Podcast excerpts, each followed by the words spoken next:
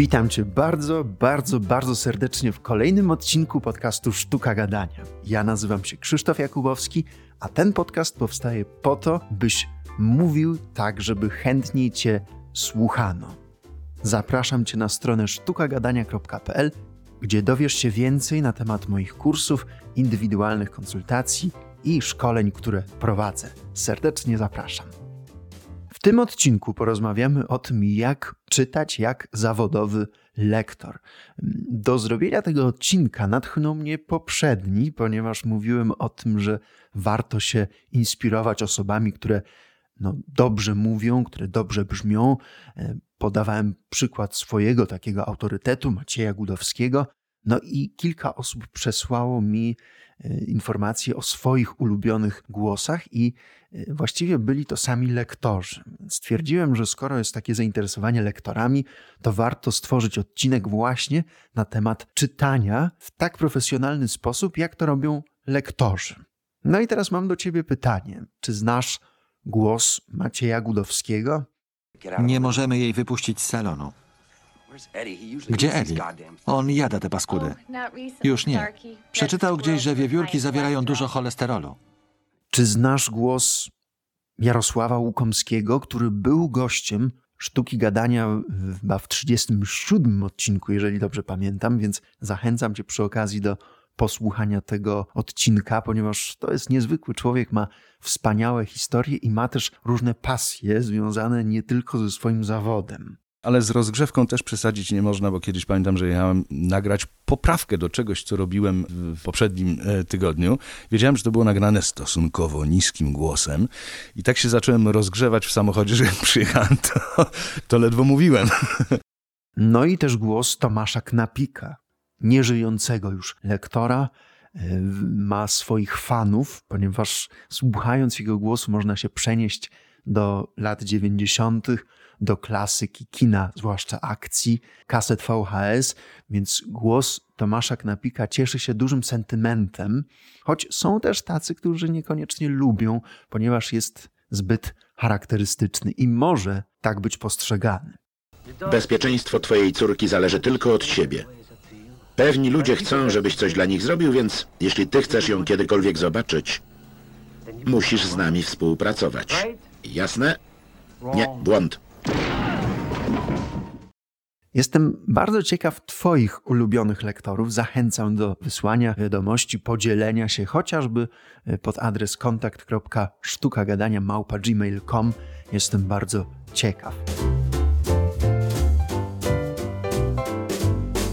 No i teraz, jak to już zwykle bywa w, w tych nowych odcinkach mojego podcastu, dam trzy wskazówki, które być może przybliżą Cię do tego sposobu, w jaki czytają zawodowi lektorzy. Moja pierwsza wskazówka jest taka, żeby czytać na głos.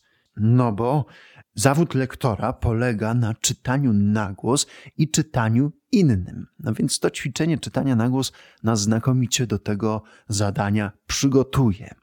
I tutaj polecam zacząć od takiej literatury, która nas po prostu interesuje, po to, żeby wykrzesać z siebie więcej entuzjazmu, więcej zainteresowania, no bo są szanse, że my też tym naszym czytaniem zainteresujemy e, słuchaczy. Warto również sięgnąć po bajki, bo tam możemy tworzyć różne postaci, postacie, dialogi, bawić się tempem, zmieniać nasz głos. No i z czasem, kiedy się wprawimy, sięgać po różne rodzaje literatury, nawet taką, która nas mniej interesuje, i czytać ją w taki sposób, żeby no, ułatwiać zrozumienie naszym słuchaczom. Ćwiczenie na głos niesamowicie rozwija nie tylko umiejętność czytania dla innych, ale też nasz głos, o czym już nieraz w sztuce gadania mówiłem.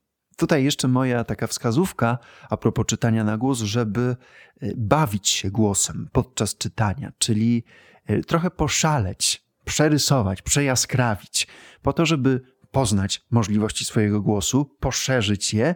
No i też takie szaleństwo w tym głosie pozwoli nam też później lepiej sprostać zadaniom, które być może ktoś będzie nam zlecał, nam jako już lektorom.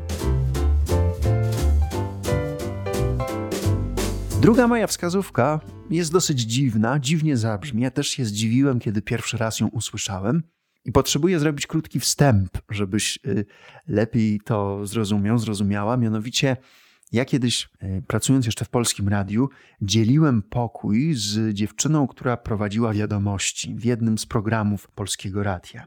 I ona miała niezwykłą, niesamowitą, głęboką barwę głosu, bardzo charakterystyczną, chwaloną nie tylko przez kolegów, koleżanki, ale też przez słuchaczy.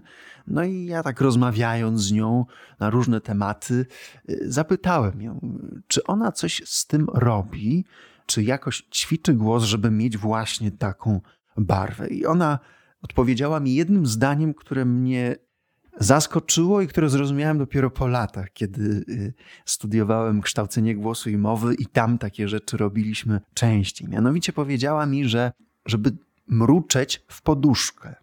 Nie rozwinęła tego za bardzo. Dzisiaj to y, rozumiem bardziej. Niekoniecznie trzeba mruczeć w poduszkę, ale warto mruczeć, czyli robić tak zwane mormorando, ponieważ dzięki temu możemy mieć głębsze brzmienie naszego głosu. O tym opowiem w y, oddzielnym odcinku, ponieważ tutaj jest wiele różnych ważnych kwestii, można wiele błędów popełnić, więc nie chcę się tak prześlizgać po tym temacie, chcę go rozwinąć, więc Obiecuję, że wrócę w jednym z kolejnych odcinków Sztuki Gadania do właśnie tego punktu, ale już teraz mówię Ci o takim no, mruczeniu w poduszkę, o czym kiedyś usłyszałem, a co e, sprawdza się i warto, e, warto do tego wrócić. I trzecia wskazówka to to, żeby pokochać literaturę, bo uważam, że to, żeby po prostu lubić czytać, lubić tekst, lubić literaturę, lubić obcowanie z tematem jest ważniejsze nawet niż sam głos.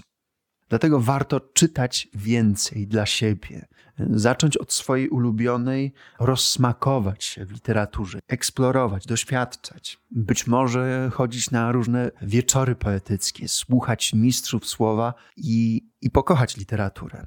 Dlaczego to tak mocno podkreślam? Dlatego, że bez tej miłości do literatury może być ryzyko, że będziemy czytać w sposób nieciekawy, albo za bardzo będziemy skupiać się na swoim głosie. A tutaj głos jest tylko przekaźnikiem. Czasami słyszę takich lektorów, takich radiowców, którzy są za bardzo skupieni na swoim głosie. Na tyle są zakochani w tym głosie, że tekst i słuchacz są dla nich na drugim miejscu albo w ogóle są im niepotrzebni. No i tego nie słucha się zbyt dobrze. Po prostu słyszymy tylko ładny głos i nic poza tym. Więc jeśli chcesz być znakomitym lektorem, a nie przeciętnym lektorem, to kochaj literaturę i zarażaj tą miłością mnie, słuchacza. Nawet jeżeli to jest lista dialogowa jakiegoś filmu, to ja chciałbym słyszeć, że, ważna jest ta treść, ważny jestem ja jako odbiorca, a nie Twój głos. I przy okazji jeszcze, jak już rozmawiamy o tym, to dobrze by było sobie zadać takie pytanie, czy w ogóle warto mieć głos jak lektor albo czytać jak lektor. Bo czytać jak lektor czasami może oznaczać jakąś manierę albo mówienie nie swoim głosem, naśladowanie innych, naśladowanie mistrzów, a ja zawsze namawiam na szkoleniach, kursach, w indywidualnych y, konsultacjach, które prowadzę, namawiam do szukania swojego głosu, własnego głosu, prawdziwego głosu. To jest zadanie trudne i być może szukanie tej odpowiedzi zajmie nam całe życie, ale warto szukać własnego, prawdziwego głosu, bo tylko taki będzie w stanie nas w pełni wyrażać i to, co mamy wewnątrz, to, co mamy w środku, w sercu czy w umyśle. I tego Ci szczerze życzę, że niekoniecznie musisz mówić, czytać jak lektor, ale czytaj, mów tak jak Ty. Ty prawdziwy, prawdziwa. Nawet jeżeli trochę niedoskonale, ale prawdziwie. Zachęcam Cię serdecznie do odwiedzenia strony sztukagadania.pl. Zachęcam do słuchania kolejnych odcinków ja się nazywam Krzysztof Jakubowski i pamiętaj, że Twój głos ma znaczenie. Mów tak, żeby inni chcieli Cię słuchać. Do usłyszenia. Pozdrawiam.